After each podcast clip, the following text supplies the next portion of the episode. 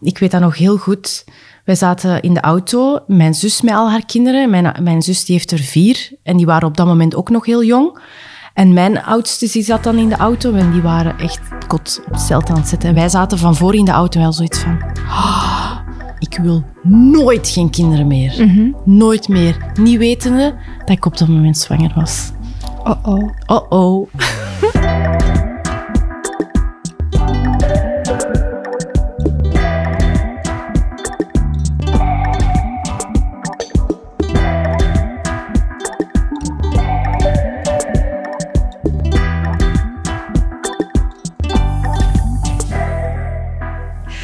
Welkom in de podcast, Sumia. Ja, leuk. Spannend. Vandaag kom jij jouw verhaal vertellen. Ik start altijd met de vraag, buikgevoel, wat brengt dat bij jou naar boven? Eh, een soort van wervelwind in mijn buik. Oké. Ja, een gevoel dat ronddraait en waar dat je geen, geen verklaring voor hebt of zo. Oké. Want je hebt dat gevoel en je weet soms niet waarom. Soms wel. Er zijn, er zijn dingen dat je, dat je, dat je een, een verklaring op kan plakken waarom dat je je zo voelt. En soms niet. En dat, dat is buikgevoel voor mij. Oké. Ehm, misschien is het fijn voor onze luisteraars dat jij je eerst eventjes voorstelt. Ja, ik ben Sumea en ik word binnenkort 34 jaar. Ik moet soms even echt nadenken, want ik, ik tel gewoon al niet meer. Eh, want ik ben precies zo blijven hangen op mijn 425. Dat is mijn, mijn gewoel, gewoelsleeftijd. Oké. Eh, Goeie. dus eh, ja, ik ben dus al een dertiger en ik heb drie kinderen. Oké. En ik heb nogal een hectisch leven, denk ik wel. Oké. En ja, dat is het. Er zijn heel veel dingen die mij typeren. Hè. Ik kan daar nu niet aan beginnen, want dan zijn we morgen nog bezig. Maar laten we het even bijhouden dat ik een vrouw van vier, en bijna 34 ben, Ja. met drie kinderen en een partner. En wat zijn jouw passies of jouw hobby's? Mijn passies in het leven zijn wel, denk ik, genieten van de dingen die ik leuk vind. Dat is denk ik wel de grootste passie in de drijfsfeer in het leven. Pro- dingen proberen te doen die, die mij, ik, zeg, ik moet het nu weer zeggen, mij dat goede gevoel geven. maar d- het leukste wat ik, denk ik, vind in het leven, buiten mijn gezin hebben, is denk ik omgaan met mensen. En praten en ontdekken en leren kennen en Ja. dat wel. Want wij kennen elkaar inderdaad niet. Je hebt ook een Instagram-account waar jij best wel veel over jouw mooie interieur deelt. Ja. Een van jouw passies ook? Of? Ja, ja, dat is zeker. En eh, ik ben nu heel blij dat ik eh, van mijn werk, want dat was uiteindelijk ook mijn werk, grotendeels interieur en meubels en, en, en ja, het commerciële er rond, ben wel blij dat dat nu een hobby is geworden. Dus ik doe daar niks meer mee op professioneel vlak.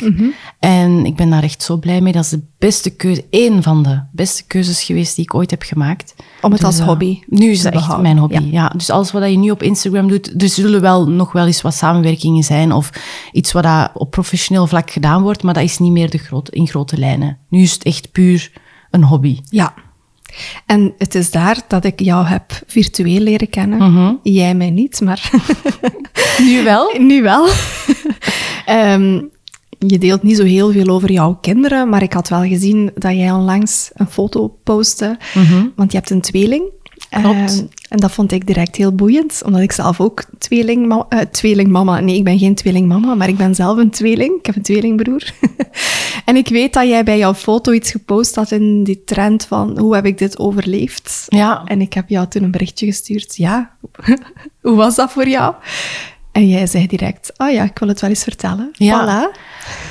Dat klopt. Ja, er zit een heel verhaal voor natuurlijk. Ja. Ehm, die tweeling kwam eigenlijk na al een eerste kindje, want ehm, de oudste was 3,5 toen ik zwanger was, bij de tweeling. En bij de eerste ging dat eigenlijk heel vlot. Ik heb een hele vlotte zwanger... Het is ook een heel gewild kind geweest. We waren er echt wel elke maand mee bezig. En na een paar keer proberen was het raak. Bij de En- oudste dan, hè? Bij de oudste. Ja. En dat is eigenlijk vrij vlot gegaan ook. Natuurlijk, een eerste kindje, dat is altijd wel wat zoeken. Mhm. Maar ik heb zo precies mijn weg wel gevonden. En ik kan nu niet zeggen dat ik echt een, een mama ben, in hart en nieren.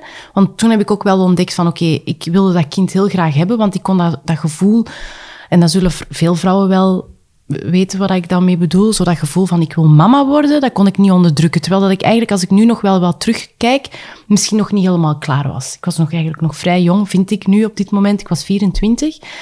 Maar ik kon dat gevoel niet onderdrukken. Ja. Ik wilde echt mama worden. Ik voelde, mij niet, ik voelde mij niet compleet.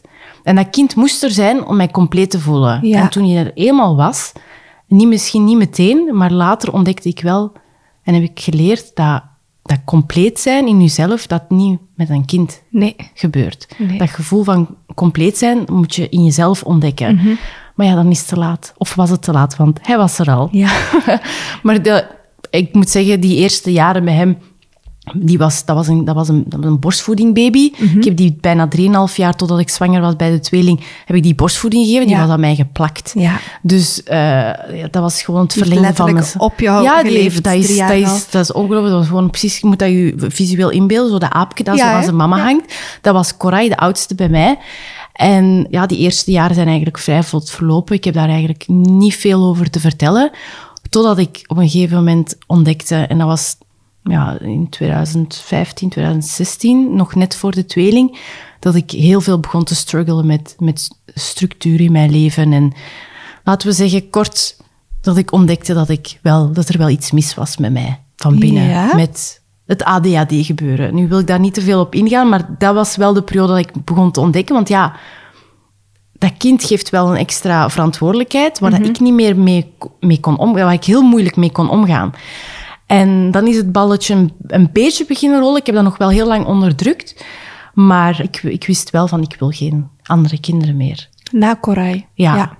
En dat is niet per se, dat heeft, dat heeft eigenlijk totaal niks met hem te maken, want dat was echt een fantastische baby en een fantastische peuterkleuter.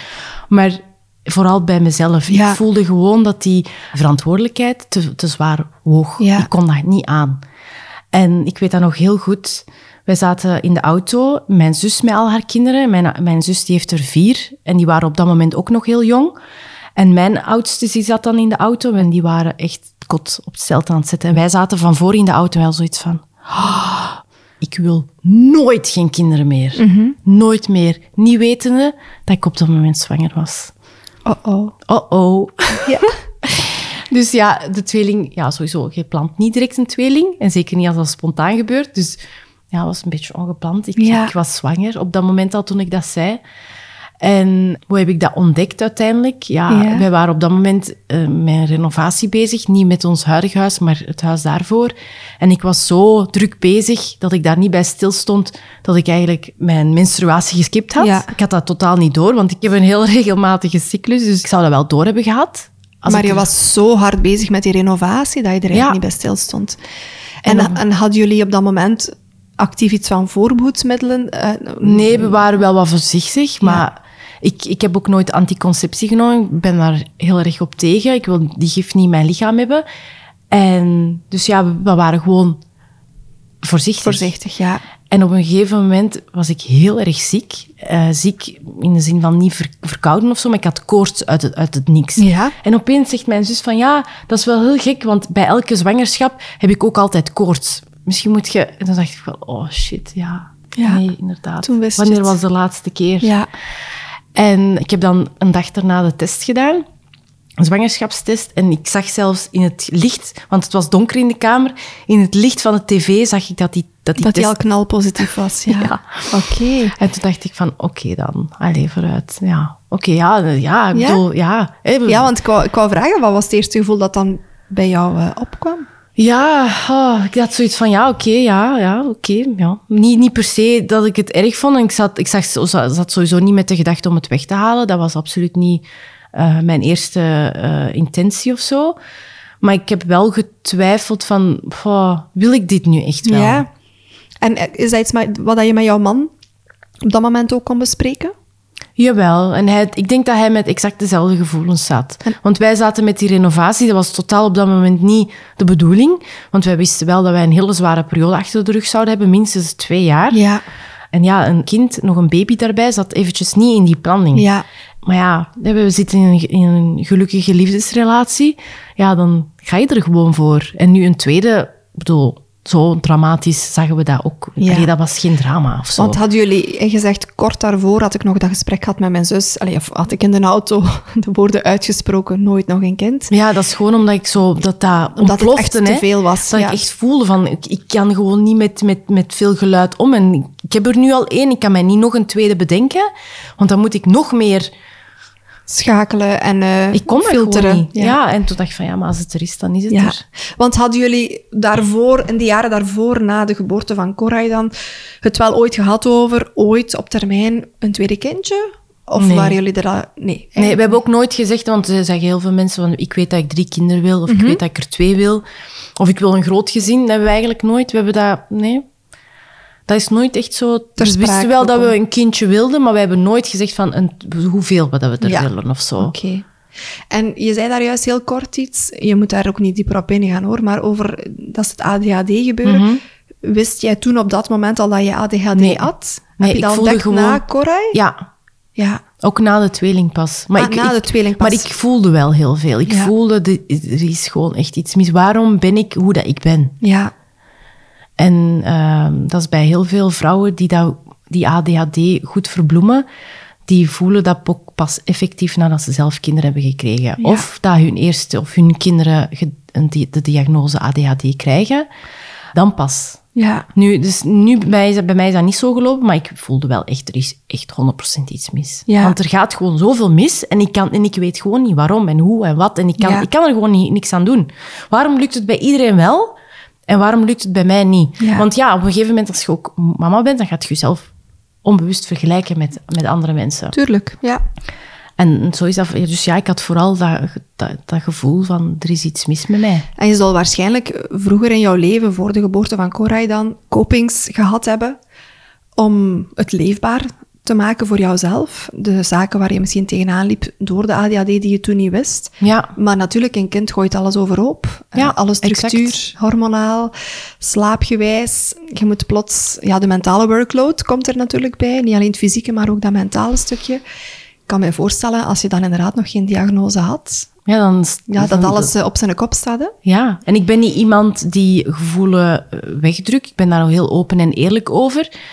Het zou wel eigenlijk al zot zijn dat ik het zo hard zou onderdrukken dat ik het zou ontkennen of zo. Nee, dat, dat niet. dat, nee, dat is de reden waarom dat het uiteindelijk ook eruit is gekomen.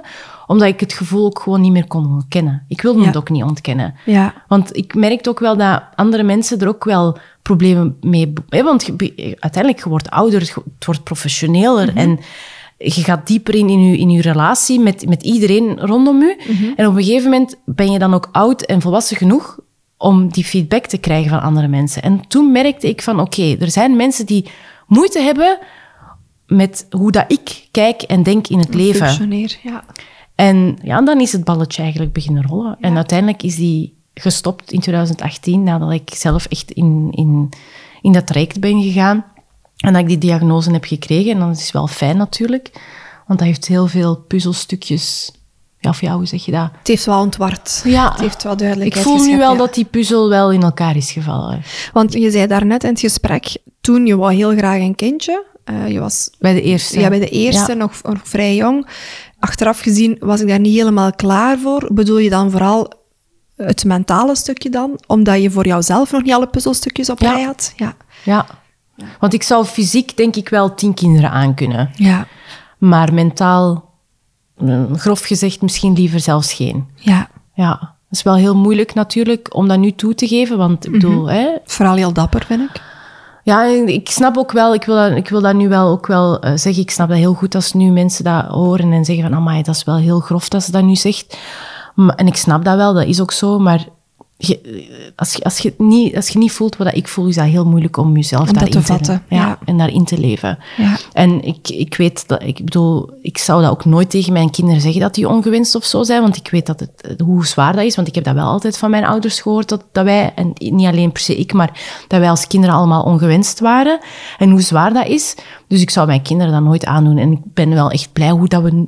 Het is, het is een moeilijke periode geweest, maar nu zijn we daar wel echt wel voorbij. En ik ben heel Ja. blij dat we nu in een, in een gezin wel gesetteld zijn we allemaal op elkaar, goed op elkaar afspelen, maar het is wel anders geweest. Ja. En misschien als ik die mentale steun niet had opgezocht en die eh, had blijven ontkennen of niet erkenning zou hebben gezocht, dat het misschien niet zou hebben gewerkt Ja.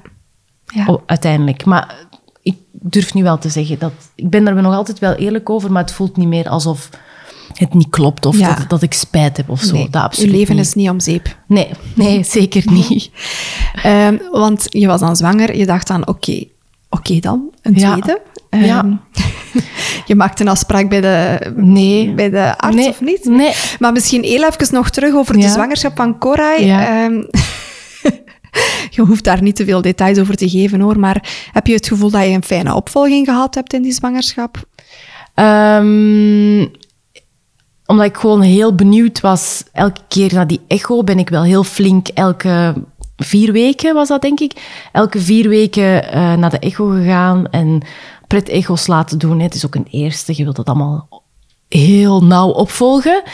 En in het ziekenhuis waar dat ik liep, in het Sint-Vincent ziekenhuis in Antwerpen, ehm, heb ik wel het gevoel dat ik, of had ik het gevoel toen ook al, dat ik wel zelf mocht nadenken Ja. over de keuzes en over de beslissingen. En vind ik wel fijn. Ik- Er is mij nooit niks opgedrongen of mij dingen wijsgemaakt. En ook, ja, dat was dan in 2013, dat is een, wel een andere periode dan om dan met nu te vergelijken.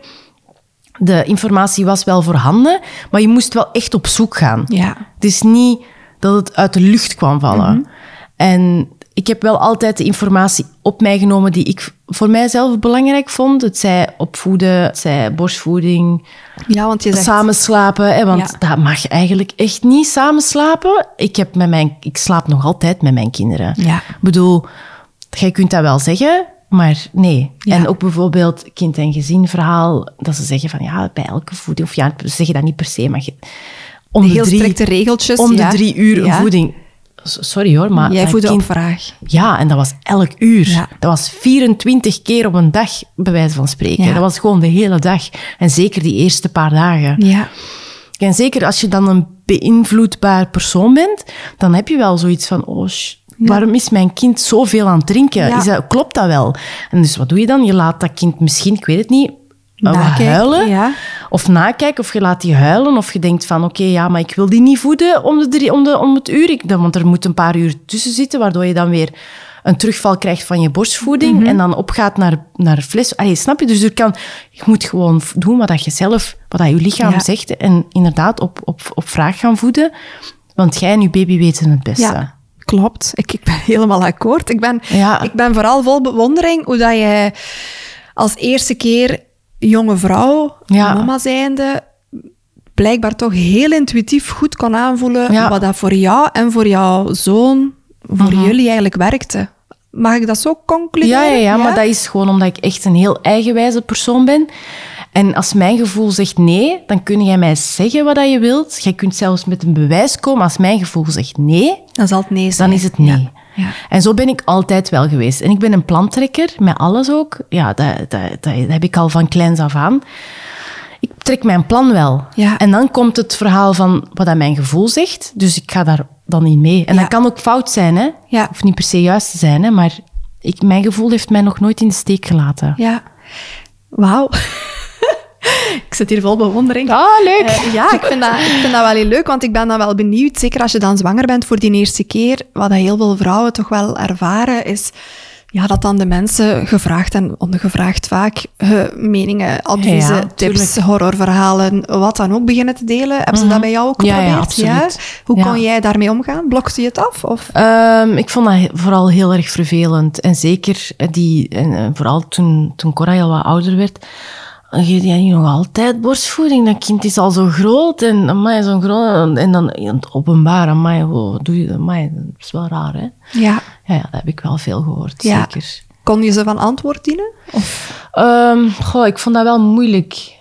Ja, ik vind het eigenlijk nog altijd wel moeilijk, hè? maar ja, ik laat wel, nee, ik laat wel, ik geef mijn mening wel en ik laat Mhm. wel, van, hoe zeg je dat?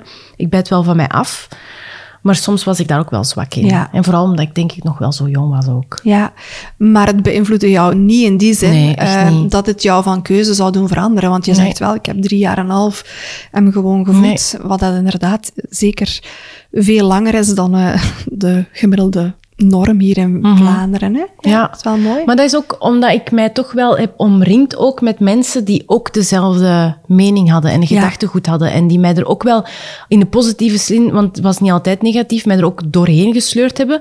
Want Instagram stond toen nog in zijn babyschoentjes, maar je had wel forums op internet en ik volgde daar vrouwen die ook in die leefwereld zaten. Ja. Hè? Ook lang voeden. En, intuïtief. ehm, ja, dus uiteindelijk dan word je ook positief beïnvloed. Mhm, klopt. Ehm, en dat voelde goed aan en dat voelde voor mij als correct. En dan is dat zo verder gegaan. Ja, Maar ja. Ik, had, ik, ik had wel bijvoorbeeld mijn zussen, die, die waren ook allemaal langvoeders. Dus ja, het was niet uitzonderlijk. Je, Ja. had het al, je had het al eerder gezien. Hè? ja, maar ik ging wel vanuit dat ik flesvoeding en zo in huis moest hebben. Ik had ook allemaal flesjes gehaald. En omdat ik wel dacht van, dat moet wel. Dat moet zo, dat hoort zo. En uiteindelijk, ja, die, die flesvoeding is nooit gebruikt geweest. Die flesjes uiteindelijk natuurlijk wel, maar ja, ik, ik- je weet het denk ik niet beter, want je moet een geboortepakket hebben en dan zit dat er dan precies zo standaard bij of zo. Ja, en ook mijn, mijn, mijn fopspeen, daar zit dan eh, die roze doos. ja, de dat, roze doos, daar zit altijd een staaltje bij. Ja, ja. en dan denk ik van ja, en mijn kinderen hebben nooit een... eh, een Een tutje gehad. nooit. Nee. nee. nee. Die hebben dat zo hard geweigerd altijd. terwijl Ik, dat, ik vond dat schattig en ik dacht van ja, misschien is dat wel handig en dat is schattig en dat is lief. Maar die hadden zo van nee mama, Alleen de we gaan borst. dat niet doen, alleen de borst. Ons moet je niet foppen. Je kunt dan ook een fop spelen. Ja. Ehm, voor de bevalling zelf van Koray, wat was jouw idee daarvoor? Had je ook bijvoorbeeld op die online fora u daarover ingelezen? Had je een idee van wat dat je wou? Ik zeg maar iets rondom houdingen, rondom de locatie voor de geboorte. Wou je thuis, wou je in het ziekenhuis, wou je een epidurale? Wat was jouw idee? Mm, als ik daar nu zo aan moet terugdenken, dan wat ik vooral eh, vervelend vond, dat is dat ze me uiteindelijk wel op mijn rug hebben laten bevallen. Dat ik denk wel dat voor mij een, een, een knielende of een hurkende, of hoe zeg je Ja. dat? Was, of wat is de beste benaming? Een hurkende, denk ik. hè? Ja, vaak is het een, hurken, een, een gehurkte houding dat Ja. vrouwen verkiezen, maar als je moogt kiezen, gaan weinig vrouwen van nature op hun rug liggen. Er zijn er, hè? Ja. Ehm, Uiteindelijk ben ik op mijn rug bevallen en dat is denk ik het enigste waar ik nu nog waar dat ik een beetje mee zit. Ik had liever echt op handen en knie willen bevallen, omdat ik heel erg de drang had om die positie te houden. Maar Ja. uiteindelijk hebben ze mij denk ik onbewust of bewust, ik weet het niet, toch op mijn rug gelegd. ja. En dat, ik, dat, dat deed wel veel meer pijn. Ja, en had je op voorhand nagedacht over de houding? Nee, dat niet. Nee. dat moet ik ook wel toegeven, want anders misschien dat ik dat wel specifiek gevraagd zou hebben, dat ik zo wil bevallen. Ik was 17 toen ik voor het eerst een bevalling van mijn zus heb meegemaakt. Haar oudste, daar was ik bij. En zij is ook op haar rug bevallen. Mhm. Ja. Maar zij ving haar weeën ook op, op haar rug. Ja. Dus ja, dat was mijn visueel Ja. beeld van hoe dat het moest. Maar nu heb ik ook ondertussen gezien hoe dat het anders Ja. kan. En ik denk dat een hurkende beweging mijn beweging is. En als ik mijn zus zou vragen, wat is uw positie? Dan zou ze zeggen op de rug. Op mijn rug, Dus ja. het is echt voor iedereen anders. Ja. Dat is het enigste. En voor de rest is mijn eerste bevalling echt heel fijn verlopen. Ja, en het is ook een beetje die houding op die rug. Het zal bij jou inderdaad een grote invloed gehad hebben dat jij als, als jong meisje, als jonge vrouw eigenlijk jouw zus zo hebt zien bevallen. Maar het is ook hoe dat we het in de media voorgeschoteld Mhm. Ja, krijgen. Hè? Absoluut. tv, het zijn altijd die houdingen, vaak Ja. veel geschreeuw, heel veel mensen daar rondom rond. Dat zijn de beelden die we vaak hebben bij een bevalling. Klopt. Ehm, en we weten als een vrouw instinctief de keuzevrijheid krijgt, dat heel weinig vrouwen inderdaad die houding verkiezen. Er zijn er, hè? zoals jouw zus Ja. mogelijk. Eh, maar het kan even goed zijn dat, dat ook jouw zus die houding heeft aangenomen, omdat zij dacht dat het zo hoorde. Ja, Want heel vaak komt het daarvan uit voort. Hè? ja. Ja. En eh, ik, heb, ik heb ook eh, het bad geprobeerd, Mhm. maar dat kon ik helemaal niet. Dat, dat lukte mij niet. Die warmte, dat was verschrikkelijk. Ik ben ook eigenlijk in de zomer bevallen, dus eigenlijk volgens mij is dat helemaal geen... Ja, die, ja, die warmte Het was gewoon. te veel voor Dat jou. was te veel. Ik kreeg, zo, eh, ik kreeg het benauwd en... Uiteindelijk hebben ze mij dan de, de, De zitbal, de ja. zitbal gegeven en dat vond ik, dat vond ik heel aangenaam. En vooral dat wippen zo over Mhm. Ja. en het weer. Ja, ik heb, mij, ik heb gewoon mijn natuur laten gaan. Ja. Mijn lichaam zei, doe dat. En dat heb ik dan maar gedaan. Ja. Het heeft wel lang geduurd. Ja? Ja, om acht uur s'avonds ben ik binnengekomen. En om ja, rond een uur of negen in de ochtend was, hij, was hij er. ja. Op zich is dat eigenlijk een vrij normale Ja, duur voor, Ja, voor mij was dat- kindje. Maar ik kan me voorstellen op die moment. ja en het was echt sneaky die dag. Oh jee. Ja, 14 juli. Sneakheet. Ik heb ook een dochter op 14 juli. Nee. Ja, de middelste. je was gewoon spontaan in arbeid gegaan van Corrie? Ja. ja. Welke termijn had je ongeveer, weet je dat nog? 41, precies 41. En waren ze al, ja, ik weet niet, de zorgverleners die jou opvolgden, waren zij al bezig over, oké, als je voorbij dan die termijn gaat, willen we wel graag. Ja, ik heb dat zelf aangegeven. Ehm, ik wilde echt, ik wilde, ik kon echt niet meer, want ik had heel erg uh, bekkeninstabiliteit. Ik kon echt niks meer. Ik zag het ook echt niet meer zitten. Voor mij was het echt genoeg geweest. En ik zei ook van, als het nu niet komt, eh, na die e- precies 41 weken, dan wil ik graag een inleiding. Ja? Maar ik kreeg wel de informatie dat een inleiding pijnlijker kan zijn. En dus die informatie hebben ze mij wel gegeven. Maar daarna eh, is hij spontaan echt op de 41ste week eh, Gekomen. Ja, zo, Ja. Ik, ik kreeg een heel klein beetje eh, vruchtwaterverlies. Ja. Maar ik denk dat het, dat het gaatje ergens hoog aanzat. dus een hoge vliesscheur, ja. Dus het was niet in één keer een waterval. Dus dan zijn we op, op het gemakje naar het ziekenhuis gegaan. Ik heb zo de eerste uren nog een boekje kunnen lezen. Ja. Maar daarna kon het echt niet meer. Ben Ja. echt in een weestorm terechtgekomen. En dat is niet meer opgehouden tot... Hij geboren is. Ja.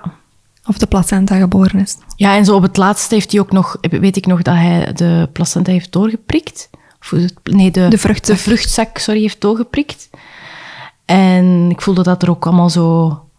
Ah, oh, dat is wel lang geleden eigenlijk. Dat ik dat allemaal nog zo... Precies als gisteren zo...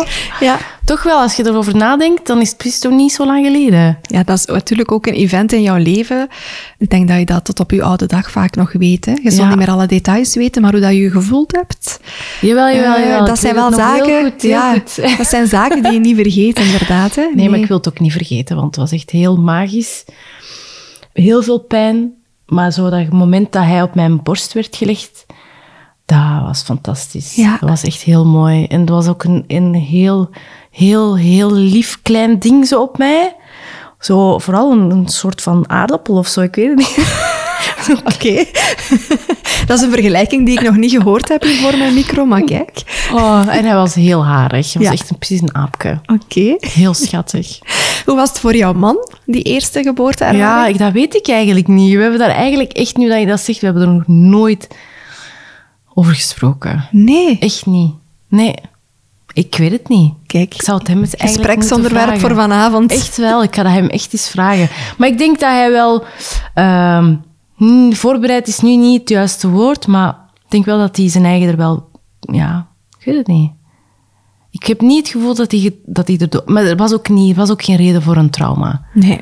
Dat ik wou zeggen van dat hij erdoor getraumatiseerd is, dat is daar geen reden voor. Ja, het was eigenlijk gewoon een krachtige, mooie bevalling. En ik heb ook niet... mm, Ja, ik had wel veel pijn, maar ik heb dat vooral zo heel erg... Want ik had ook een, een, een volledig uitgezet gezicht.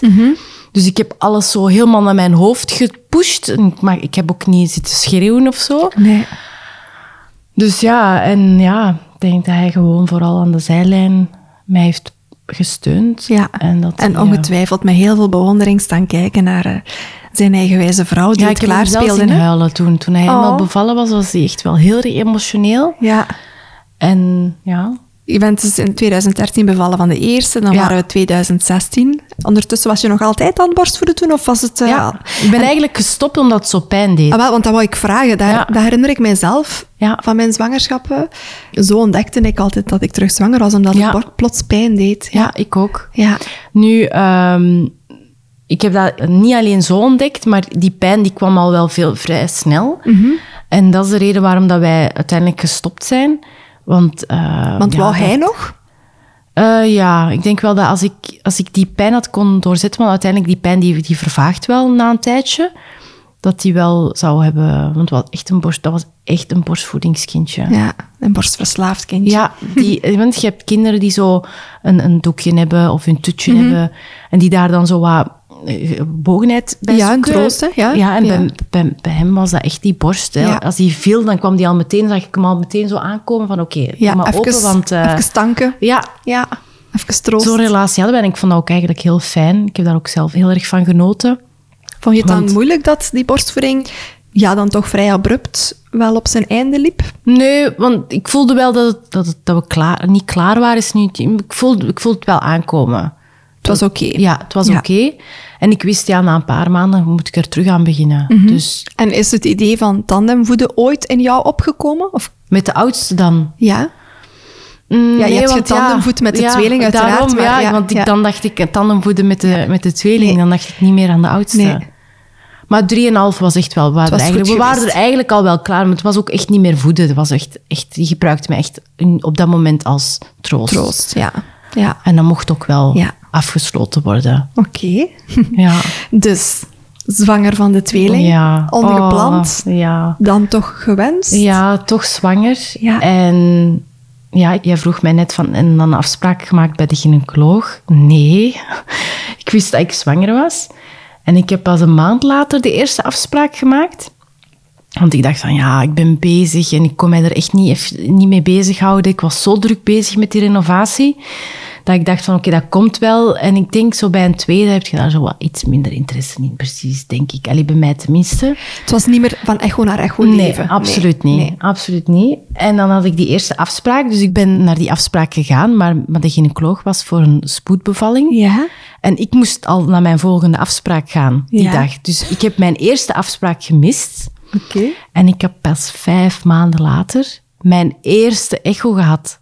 Oké, dus je wist... Nee, ja, eigenlijk wel. Tot want mijn niet? onder mijn buikgewoel Ja. zei dat is een tweeling. En ik kan niet uitleggen hoe ik wist dat dat een tweeling was. Echt, ik, ik, weet, ik weet het niet. Ik wist dat gewoon. Ja. Ja, niet hè. Ik weet het niet hè. Nee, ik heb maar, geen bevestiging maar hè, maar ik intuïtief, wist het. intuïtief wist ja. je het wel, ja. En ondanks dat je intuïtief toch dat vermoeden dan had, wat dat dan klopte, had jij zelf niet die neiging of die nood van oei, dit kan hier een gecompliceerder verhaal worden dan. Hier moet ik nu toch wel... Nee, want ik had die bevestiging niet. Nee. Uiteindelijk blijft het toch ergens een gevoel. Ja, En zolang ik die bevestiging niet heb, dacht ik daar niet aan. oké. Ja, maar uiteindelijk, hoe wist ik het dat het dan toch een tweeling was? Sowieso, die test, ik weet niet, die was... Ik, want ik was wel wat over tijd, maar niet om te zeggen weken. Ik was maximum een week misschien over tijd. En die, die test, die was echt niet normaal knalrood. Ja. En mm, hoe wist ik het nog? Ik was heel extreem misselijk. En ja, ik vergelijk dat met mijn eerste zwangerschap. Ik was daar ook wel wat misselijk, maar niet zo misselijk als Ja, bij de tweede keer. En ja, die buik, die was er meteen. Hè. Ja.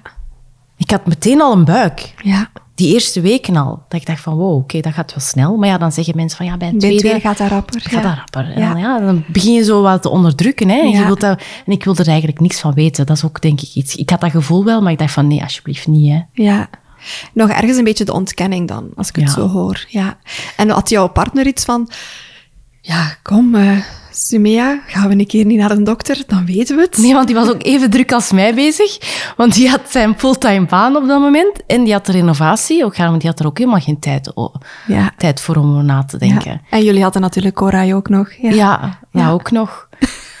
Dat ook nog. En dat en dat en dat en dat. En uiteindelijk, eh, vijf maanden later, naar de eerste gynaecoloogafspraak gegaan, samen. Ja? En dat ga ik nooit van mijn leven vergeten. Ik lag daar en hij legt die echo op mijn buik. En ik zeg meteen, en ik wees zo naar het scherm, Huh? het zijn er twee. dat was exact mijn reactie. Ja. En ik kijk mijn man aan en wij doen alle twee zo. Oh. Allee, zoiets. In ieder geval zoiets. Grijpen naar ons gezicht van... Oh my god. Je Ja. zag het meteen. Ja. Ja. En de gynaecoloog die had ook zoiets van... Allee, hoe... Heb, hebben ze dat al hebben ze het gezien? Want... Oh-oh. Ja, dat was even echt... Wij waren echt sprakeloos. Wij Ja. wisten echt niet meer wat we moesten zeggen. En we zijn dan uit die afspraak gegaan met heel veel gemengde gevoelens. Uh-huh. Ja, maar op dat moment kan je niet meer denken aan een abortus. Nee. Nee. Het is te laat. Ja, als je vijf maanden ver bent. En dan, ja, uiteindelijk zijn we er wel, zijn we wel in dat idee gegroeid. Wat heb je daarvoor nodig gehad? Wat heeft Veel jullie geholpen? Eh, Kon je met elkaar goed praten? Ja, we hebben, wel, we hebben wel een sterke band. Dus we zijn wel... We hadden wel het gevoel dat we bij elkaar terecht konden op het moment dat we dat het hardste nodig hadden. Maar ik denk vooral in de periode dat wij gewoon echt geen tijd hadden om erover na te denken. We waren echt heel extreem bezig met alles. Ja. Ik had mijn bedrijf, ik had die renovatie, ik had die kleine, ik had het huishouden nog. En uw eigen zoektocht. Ja, eh, en zwanger. En ja. Alles... Ik had volgens mij gewoon niet echt veel tijd om erover na te denken. Maar het beangstigde mij wel heel Ja. erg. Van, ik wil niet eens eigenlijk een tweede. En ik krijg er nu twee en drie nog bij. Ja. En ik zat met mezelf en... Maar ja, uiteindelijk, is zoals ik al zei, ik ben gewoon die plantrekker. Ik weet gewoon niet beter dan gewoon doorgaan. Ja. En dat, dat geldt voor alles. En je hebt, ja, op dat moment heb je geen andere keuze. En ik heb gewoon... ja, ik had ook gewoon geen keuze. Wat, wat, wat anders? Ja, de tijd, de tijd tikt verder, hè? Ja. Voilà. En uiteindelijk, ja, dan... eh, ja, ik ben wel, met, ben wel naar dat idee gegroeid en uiteindelijk had ik er vrede mee, vrij snel eigenlijk wel. En ik kon er dan ook wel, ja, er precies wel over zetten dat dit nu wel de realiteit is. Ja. Want waren er al mensen in jouw omgeving, bijvoorbeeld jouw zussen of zo, Mhm. Die wisten al dat je zwanger was wel, maar die wisten inderdaad ook gewoon Nee, niemand niet- wist het. Iedereen Ah. is het met ons, ja, uiteindelijk, wij, wij hebben het heel snel gezegd. Niemand geloofde ons ook niet. Die hadden echt zoiets van, dat zal wel. Ik doe het bij een ander, want ik trap daar niet. Hoe zo'n tweeling, echt niet. Hè? Ja. Niemand geloofde dat. En het grappige is, want mijn zus die was ook zwanger op het moment dat ik tegen haar zei van ik ben zwanger. Ze zegt, ja, ik ook. Ik zei, ja, nee, natuurlijk niet. We waren op hetzelfde moment. Wij schillen genetisch gezien eigenlijk maar twee weken van elkaar. Maar omdat ik met de tweeling eerder bevallen ben, Ja. is het eh, vijf weken dat we van Ja. elkaar verschillen. Met, met haar jongste en bij mij de jongste. Dus dat was ook wel grappig. Ja. En toen ik tegen haar zei, het is een tweeling, dan had ze zoiets van, ja, nee. Ja, dus. Ja, toch echt wel. En ze hadden echt heel lang het idee van, oké, die gaan nog komen met grapje. Ja. Maar, Maar nee, het was echt... Herinner je je nog het moment dat jullie het aan Korai vertelden? Die was nog veel te klein. Die besefte, die besefte zelfs niet dat mama nog een baby kreeg. Laat staan een tweeling. Die, zelfs na de geboorte had hij zoiets van... Oké. En wat moet ik hiermee? Die was eigenlijk al... Die was al wel wat... Die, ha- allee, 3,5 tegen de 4 al was Ja? die. Nee. Die was daar niet mee nee, bezig. die was, die, die was nog niet capabel of niet rijp genoeg om dat te begrijpen. Ja. Dus die, en die herinnert zich ook helemaal niks van voor de tweeling. Want daar hadden wij het laatst over, want die is nu al, bij- dat is bijna alweer een tiener. Mhm. En ik zei van, kan jij nog iets herinneren van toen Sam en Alle er nog niet waren? En die zei nee. Dus die weet ook echt, die, die kent geen leven zonder hen. Ja. Ja. In die zwangerschap, je ontdekt dan eh, rond vijf maanden van oké, het worden er twee. Wat was jouw plan voor na de bevalling? Ging je verder gaan met jouw bedrijf? Gingen de kindjes bij jou blijven? Gingen ze... Want Cora ging al naar school, veronderstel ik? Ja. Ja. Dus ehm, om even wat door te spoelen naar voren, of hoe zeg je dat, om wat fast forward naar voren te gaan. Uiteindelijk bevallen door middel van een keizersnee, omdat, omdat ze dwars lagen. Ja. Ze lagen, ja, ik weet niet hoe, heeft dit Ja. een naam? Ja, een dwarsligging. Een dwarsligging. Dat is eigenlijk een van de houdingen waar je onmogelijk vaginaal in kunt bevallen. Dus Ja. zowel het hoofdje als de stuit liggen niet voor de baarmoederhals. Dus dan is het vaak een stukje van de rug of de heup of zo dat eh, vooraan ligt. En dat is eh, fysiek onmogelijk om zo te bevallen. Ja, dus ik wist al vrij snel dat het een eh, geplande keizersnee zou worden. Vond je dat jammer? Ja, want ik wilde echt heel graag terug een gewone bevalling en vooral om geen ruggenprik te krijgen, want dat vind ik, ik vind eigenlijk verschrikkelijk. Daar, dat is vooral waar ik tegenop keek. Want het eerste wat ik vroeg van, kan dat niet onder volledige verdoving dan? Ja. Want ik wil eigenlijk geen ruggenprik. Ja. Ja, nee, dat doen we doen echt we alleen in, eh, in extreme omstandigheden. Dus ja, dan is het gewoon een geplande keizersnee geworden. Maar ja, ik wist, ik wist wanneer en hoe en wat. Dus ja, ik heb er wel naartoe geleefd. En dan zijn ze heel vlot geboren. Ja. Eerst Ada, het meisje. En dan twee minuten later Sam. En we hebben dat allemaal op, op video vastgelegd. Dus dat is ook nog wel leuk om naar terug te kijken. Ja. Ik heb ze helaas niet op de borst gekregen, meteen. Ik heb ze pas op de borst gekregen nadat ik een anderhalf uur later op de kamer kwam. Ja. En En is dat iets wat je op voorhand, waar dat je zelf over had nagedacht? Of ging je daarvan uit dat dat wel zou mogen? ja, ik wist wel dat dat een beetje de procedure ging zijn. Ze hebben mij wel heel even de tweeling laten zien. En ik heb ze wel heel even zo tegen mijn wang aangehad. Maar ik heb ze niet op mijn borst gehad Ja. als bij een gewone Ja. natuurlijke bevalling. En mocht jouw partner dan die rol niet overnemen? Jawel. Oké. Ja. Dus op het moment dat jij op de recovery was, Ja. en voor de verdoving volledig te laten uitwerken, dat is inderdaad vaak de, hetgeen wat wij dan adviseren aan die partners. Hè? Ja, dat heeft hij wel gedaan. Ja. Dus allebei de kindjes bij ja, hem. Toen ik binnenkwam, lagen ze alle twee bij hem. En dan zei ik ook van, ja, nu moet ik ze... niet- Ik wil ze nu echt heel graag bij mij hebben. Zo Ja. snel, liefst nu, nu, nu. en, eh, maar het grappige is, is ik denk, denk dat dat door, misschien door de verdoving kwam. Want mijn man zegt ook tegen mij van, hoe kan dat? Ik kon die niet uit elkaar halen. Ik zag twee exact dezelfde baby's. Ja, terwijl het heel duidelijk een twee-eigen tweeling was echt, natuurlijk. het- maar ja. als ik nu ook Ja. naar de foto's terugkijk, dan denk ik ook van mezelf van hoe kon ik dat niet zien? Uh-huh. Maar ik zag dat echt niet. Maar ik denk gewoon dat dat door al die hormonen en door de verdoving en... Nee, ik zag het niet. Het waren twee exact dezelfde baby's. Ja. En dat heeft heel lang geduurd. En ik denk dagen later pas dat ik, dat ik een verschil zag. Ja, maar oké. Ja. En leken ze ook heel erg op Korai? Eh, mijn dochter wel. Maar mijn zoon is heel licht en heel ros. Dat, was, dat is die nog altijd, maar dat was vooral bij de geboorte ook. Een heel lichte huidskleur.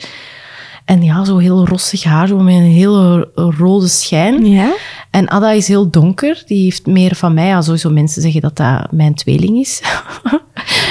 die lijkt heel erg op mij. En dat was toen ook al wel. ja. Had jij het plan ook om bij hen borstvoeding te geven? Ja, en ik heb dat een jaar toch wel gedaan. Maar dat is omdat ik ook na een paar maanden al wel bijvoeding begon te geven. Dat ik, denk ik, bij de een... Wacht, bij, eh, ik ben bij Ada langer doorgegaan. Sam is eerder gestopt. Die, heeft, die gaf zelf op een gegeven moment aan van mm, nee. En Ada heeft nog een jaar doorgedaan. Maar ze kwamen alle twee nog wel wat af en toe om de troost. Ja. En dat heeft Ada, dat is heel toevallig dat ze gisteren nog zei, want ze was ziek gisteren. En dan zegt ze ook, mama, mag ik... Dan, ja, dan geeft ze aan dat ze aan de borst wil, maar dat is veel te grappig. Ik kan dat niet zeggen eigenlijk. Maar dan... Ik wil het wel weten. Nee. Straks. Mama, mag ik ham? Ham? Maar ja, ham. Zo van hap. Ja. Ham. Niet Ja. ham van... Nee, nee, nee. Van nee, vlees. nee. Maar dat is omdat ik dat zelf ook zei. Ja. En dat is omdat Koray dat zei, mama Ja. ham. Dus dat is zo Ja, ja, ja. Voilà. Grappig. Zo grappig. dan zei ze, mama, mag ik ham? Ja. En dan zei ik van, ja, nee, ja, dat, dat hoeft niet. Ja, Maar wel ze, bijna... heeft, ze heeft daar zelf ook geen bewuste herinneringen dan aan, van aan de borst te drinken. Nee, zij, nee, de tweeling niet. Nee. Nee. Vond je dat dan moeilijk dat Sam rapper besliste van dat het voor hem niet meer per se hoefde? Of toch niet exclusief? Ja, ik vond dat wel jammer. Ja, Ja. Ik had wel eigenlijk eh, langer bij de tweeling ook willen borstvoeding geven, maar ze gaven echt op een gegeven moment zelf aan dat ze het niet meer wilden. Ja, oké. Ik kan mij voorstellen Dus dat ja. fysiek ook wel pittig was. Je hebt een ouder kindje en dan Ja. tweeling aan de borst. Ja.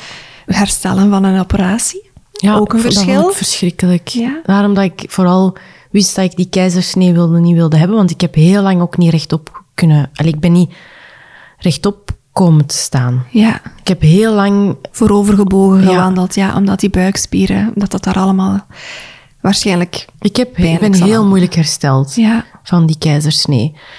Een week denk ik dat ik in het ziekenhuis heb gelegen. En dan kwam ik thuis en ja, ik was nog altijd...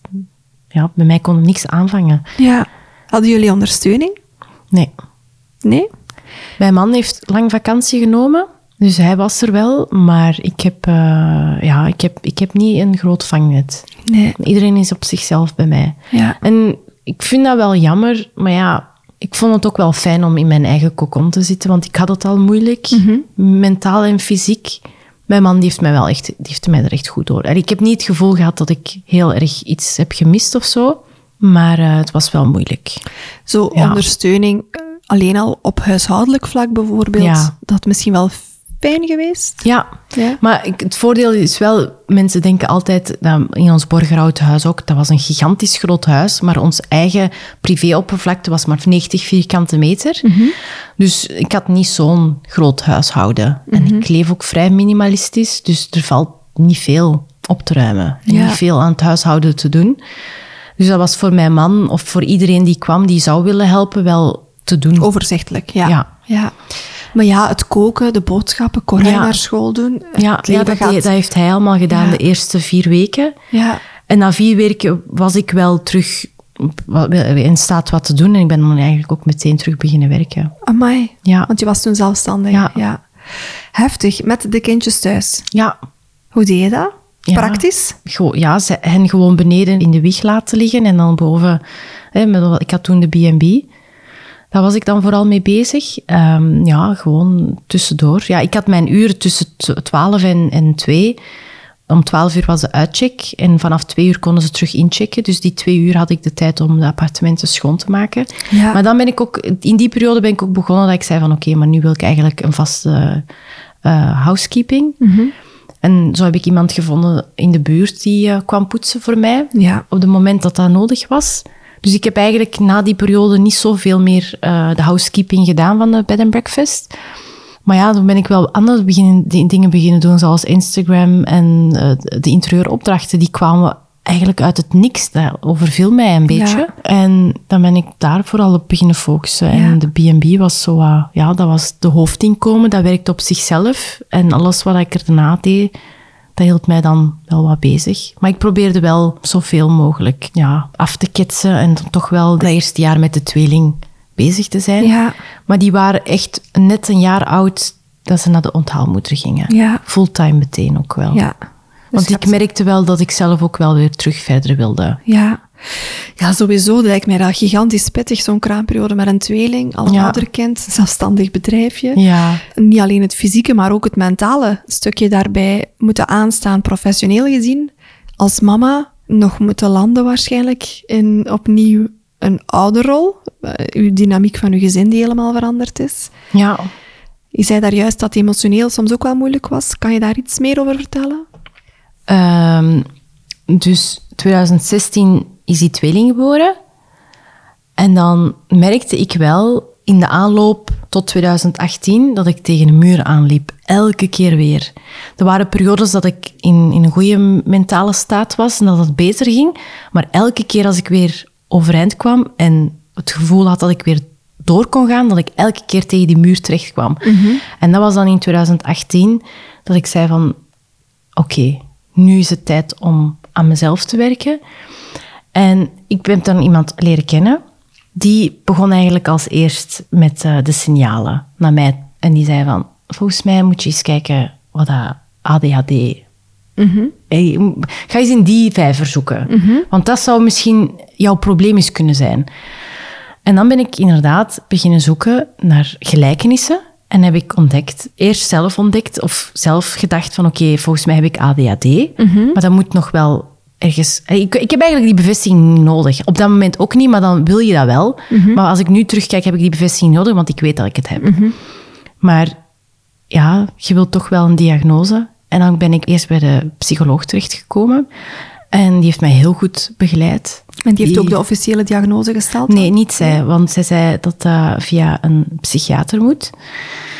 En ja, dan ben ik daar ook bij beland. En ja, dat was, maar ja, zij wist dat ook al. Ja. Maar ja, je, wilt, je wilt een, ja, maar je wilt een diagnose, hè. je wilt dat zo echt horen. Ja. En ook met medicatie, want een psycholoog mag die medicatie niet ja, voorschrijven. nee, die mag dat niet dus als ze zei ook, ik zei ook vrij snel van, ik wil medicatie proberen. En dan zei ze ook van, ja, dan moet je echt wel naar een psychiater gaan. Want dat was de reden waarom dat ik uiteindelijk daar ben terechtgekomen. Want ik wist op dat moment, in, dat, in die eerste maand natuurlijk, je weet dat gewoon. Ja. Maar je hebt die vermoedens, zoals ik al zei, je hebt die vermoedens. En zeker voor mij, nadat de kinderen waren geboren, ik had die vermoedens gewoon. En ik wilde ergens wel een beetje een bevestiging om dat ook te kunnen, om daar soms ook wel achter te schuilen, Ja. denk ik. Want Ja. ik weet soms gewoon, ik kan gewoon soms niet beter. Dat, ik doe sommige dingen gewoon niet expres. Ja. Met afspraken die ik gewoon niet gemanaged krijg, of dingen die ik heel persoonlijk opvat. En dat doe ik allemaal niet expres, dat gaat gewoon vanzelf. Ja. En ja, je moet mij daar niet kwalijk nemen. Dus mag ik dan concluderen dat dat enigszins voor jou wel een opluchting was? Dat Ja. Mhm. die diagnose viel? Eh, en dat het dan een beetje een, ver- ja, een verklaring was voor wat dat je eigenlijk allemaal mee geworsteld had die jaren Ja, daarvoor al? Absoluut. Ja. En vooral omdat ik medicatie wilde proberen. Dat heb ik ook de eerste jaren gedaan. Ik ben daar nu volledig van af. Ik probeer gewoon een andere methode te vinden wat dat voor mij werkt. Maar ik, ben, ik, vind, ik vind ook wel dat ik nu zo gevorderd ben dat ik manieren kan vinden Ja. voor mezelf om ermee om te gaan. En nu, ja, daarom dat ik net ook zei, van, we zitten gewoon nu in, in een fase in ons leven en ook door te verhuizen naar de, De buiten. dat heeft mij wel goed gedaan. Al wil ik dat soms niet toegeven, maar Ja. Ja, het staat er officieel op nu, hè? ja, ik, vind, ik vind het heel moeilijk soms om dat toe te geven dat dat heel goed is, maar het is echt... Voor, jullie heeft het, eh, voor jou heeft het rust gebracht. Ja. Hoe reageerde jouw omgeving op die diagnose? Want het het is niet evident, lijkt mij, om als volwassen vrouw, als jonge mama, dan plots die diagnose te krijgen. Ja, hoe waren de reacties? Ehm, Ik denk nu wat ik ga zeggen, dat dat vooral bekend gaat klinken bij mensen, bij vrouwen die ADHD hebben. Dat is dat je geen empathie moet verwachten van niemand die het niet heeft. Niet heeft of geen kinderen heeft die dat hebben. Want alleen mensen die het zelf hebben, of kinderen hebben die het hebben, of gezinnen die kinderen hebben met autisme, die zullen dat alleen begrijpen. Ja. Dat is onmogelijk. Je kunt dat niet verwachten van mensen. Ja. Daarom dat ik er ook soms over twijfel om erover te posten en over te praten. Want weer die ene met ADHD, want dat wil ik, dat wil ik absoluut niet hebben. Maar ik vertel het dan weer wel om soms gewoon begrepen te worden, maar nee. Nee, Dat gaat het zijn eigenlijk niet. enkel zij die er een affiniteit mee hebben, Ja, die maar echt ook allee, begripvol kunnen, eh, ja, want het is echt heel moeilijk. reageren. Ja. Oké, ondertussen zijn jouw kindjes zes, Ja, pas en, zes geworden. zes en negen. Ja. ja. Je, hebt, je zegt zelf daarnet, eh, je bent met de medicatie wel afgebouwd ondertussen. Ja. En je bent andere manieren aan het zoeken om te kopen, om structuur te behouden. Mhm. hoe, hoe gaat dat? Sinds een half jaar, dus echt wel na de periode dat wij verhuisd zijn naar Oud-Turnhout, eh, merk ik dat het beter en beter en beter gaat. En dat ik denk van, had ik dat maar eerder gedaan. Ja. En ook had ik gewoon maar eerder gestopt met ondernemen. Ik snap dat, dat mensen dat nu als schokkend gaan ervaren dat ik dat zeg, want ondernemen staat op mijn vel geschreven. Maar eigenlijk heb ik daar zoveel mee over mijn eigen strepen moeten gaan, Ja. dat ik... Dat heeft mij altijd wel gelukkig gemaakt. En ik heb het altijd wel heel erg leuk gevonden, maar ik ben echt heel vaak over... En die, nee. Dat vooral ik- ja. mentaal heel veel van jou vergt Ja. dan. Ja. Eh, ik had eigenlijk veel eerder moeten stoppen. Ja. Of gewoon had moeten toegeven dat, het, dat ik er gewoon te veel moeite mee had. En dat is ook de reden waarom dat ik in al die jaren, want ik ben al tien jaar ondernemer, in die tien jaar altijd iets anders heb gedaan. Ik heb zo vaak mensen leren kennen die zeiden van, wat doe je nu eigenlijk?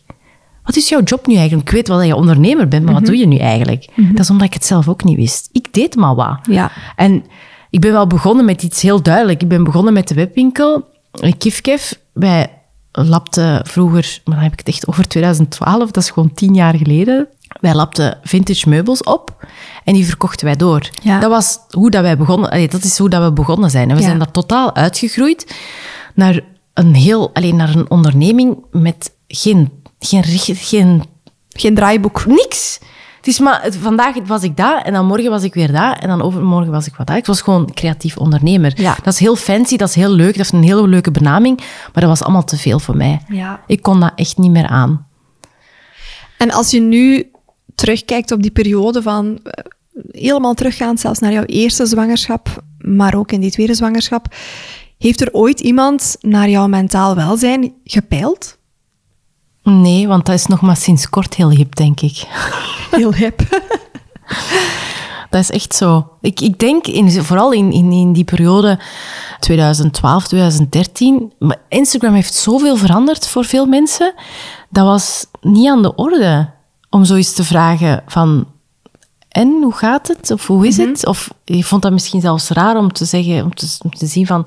Waarom vraagt iemand dat mij nu opeens? Ja. Of zo. Ja. En ja, nu draait alles daarom. Of rond. Meer en meer, gelukkig. Ja, zeker gelukkig. Zeker ik ben in er ook heel erg blij In om. die perinatale context is zo'n kwetsbare periode. En, eh, Nee, het was in niet een hip leven? op dat moment. Nee. Nee, het is, het is echt, als het hip is, dan komt het ter sprake. Maar als het niet hip is, dan, dan kijken mensen daar niet naar om. ja. En nu is mental state en body shaming en eh, opvoeding, dat is allemaal nu heel erg belangrijk om dat allemaal, om daar allemaal een stem aan te geven en daar goed over na te denken en niet zomaar te doen. Maar ik denk dat dat echt nog maar recent is. Ja. 2018, 2019, zo, dat dat, dat is, dat, Een er is iets, kantelpunt er is is, iets ja. geboren volgens Ja. mij. Ik Een bewustzijn dat, ja. geboren is. Ik ervaar dat zelf ook. Het is allee, bij ons in het ziekenhuis sinds 2018 ongeveer dat we daar iets meer aandacht ook aan besteden aan dat mentaal welzijn. Allee, iets meer, veel meer aandacht. Ja. En ik ben inderdaad na mijn jongste ook maar zelf uit beginnen kijken van oké, maar dat is inderdaad niet juist. Dat er gewoon is Mhm. niet... We hebben zo'n goede fysieke opvolging. Hoe kan dat nu dat dat mentale stuk zo genegeerd kan worden? Ja. En dat is zo belangrijk. Dat is gewoon omdat die bewustwording gecreëerd wordt. Maar dat zien wij, als je zo kijkt naar de jaren 80 en de jaren 90, als we dat met vandaag vergelijken, is er al zoveel veranderd. Dus er zal nog vanaf nu ook nog heel veel veranderen en ontwikkelen. En die bewustwording zal ook alleen nog maar groeien. Het lijkt me eigenlijk meer dan normaal, maar ik denk dat we nu vooral in, een, in die bewustwording zitten dat die mentale gezondheid wel echt hot topic is. Dat was echt in 2013 nog niet. Nee. Echt niet. Of ik was daar gewoon zelf nog niet rijp genoeg voor om dat te beseffen of zo. Maar ik hoor jou dat zeggen en ik heb dat vaker ook wel gehoord bij andere mensen ook, die dat ook zo ervaren. Dus ik denk dat het gewoon op dat moment gewoon nog niet aan de orde was. Nee, veel te weinig alleszins. Of gewoon Ja, zeker veel te weinig. Die informatie was er. Ik denk, zoals ik net al zei, Instagram heeft zoveel veranderd. Ja, dat is waar. Al willen we het niet zien, we krijgen het toch voorgeschoteld. Ja, klopt. Klopt. Je kunt er niet meer om, omheen. Nee. En dan zijn er zo van die mensen die dan een podcast beginnen rondom mentaal welzijn. Joepie! Goed zot. maar eh, ja, we kunnen onze kop niet in het zand blijven steken. Hè? Nee, absoluut Nee. niet. Ik denk gewoon het feit dat we erover praten, eh, dat al, al een eerste een hele belangrijke stap Ja, is. dat we, ervoor- dat we het voor onszelf durven erkennen en toegeven. En dat er mensen zijn zoals jij, die, die ook gewoon durven praten, hun verhaal brengen. Dat geeft zoveel erkenning. En dat Ja. is wat dat we gelukkig inderdaad op Instagram bijvoorbeeld heel vaak wel vinden tegenwoordig, hè, die erkenning. En dat is Ja. iets waar dat we naar snakken in woelige tijden. Hè? Absoluut. Ja, in, in zo een kraamperiode of een zwangerschap, dat zet alles op zijn kop. Hormonaal gezien, dat gaat vaak gepaard met heel verwarrende gevoelens. Hè. Gaande van tegelijkertijd rouw voelen om wat dat je kwijt bent. Ja. Eh, maar ook heel blij zijn misschien om die baby die er dan al dan niet komt of al is. Spijt hebben, dat kan allemaal perfect naast elkaar bestaan. En als je gewoon inderdaad andere mensen daar openlijk over ziet praten, en durven vooruitkomen, ik denk dat dat ja, als een warm dekentje kan aanvoelen dan. Hè, van oké, ik, ben Ja. niet, ik ben niet gek. Ik ben niet de enige die dit ervaart. En dat definieert mij niet als, als mama of als papa. Nee. Ja, het enige wat ik vooral hoop is gewoon dat iedereen de informatie opneemt die voor hen belangrijk is. En Dat ze hun ehm, keuzes durven en kunnen maken Ja. met, met de info die zij nodig hebben om die te kunnen maken. En dat ze Ja. dan eigenlijk zelf een, een, een, een buikgevoel gaan durven volgen. ja, ja, absoluut. Sumea, als jij jezelf eens een keigroot compliment mocht geven, terugkijkend op die, ja, die periode een aantal jaar geleden, Mhm. ehm, wat zou het zijn? Oh, ik geef me eigenlijk wel vaak schouderklopjes. Hoor. Goed. Dus ja, ja, ik, ik apprecieer eigenlijk... Oh, ik ben zo blij met, met, met mezelf en wie dat ik ben en wat ik heb bereikt en de afgelopen jaren. En niet per se op professioneel vlak of specifiek met de kinderen, maar gewoon met mezelf al, alleen al. Want een blije mama zijn blije kinderen. En vooral, ja, ik ben, ik ben gewoon trots op alles. Ja. Echt waar. Ik, eh, ik geef me één groot schouderklopje en een hele grote knuffel. Oh. En eh, ja, ja, ik ben wel blij met... eh, ja. Met de transformatie die je toch hebt doorgegaan. Hè? ja, absoluut. Van een jong meisje naar een jonge vrouw. En ja, we zien wel wat er allemaal nog Ja. gaat komen. Ik ben echt heel benieuwd naar, naar, naar de rest van mijn leven. Ja. Kijk er naar uit. Dat is echt leuk, eh, leuk om je af te ronden. Is er nog iets wat je wil meegeven voor de luisteraars? Heel veel succes.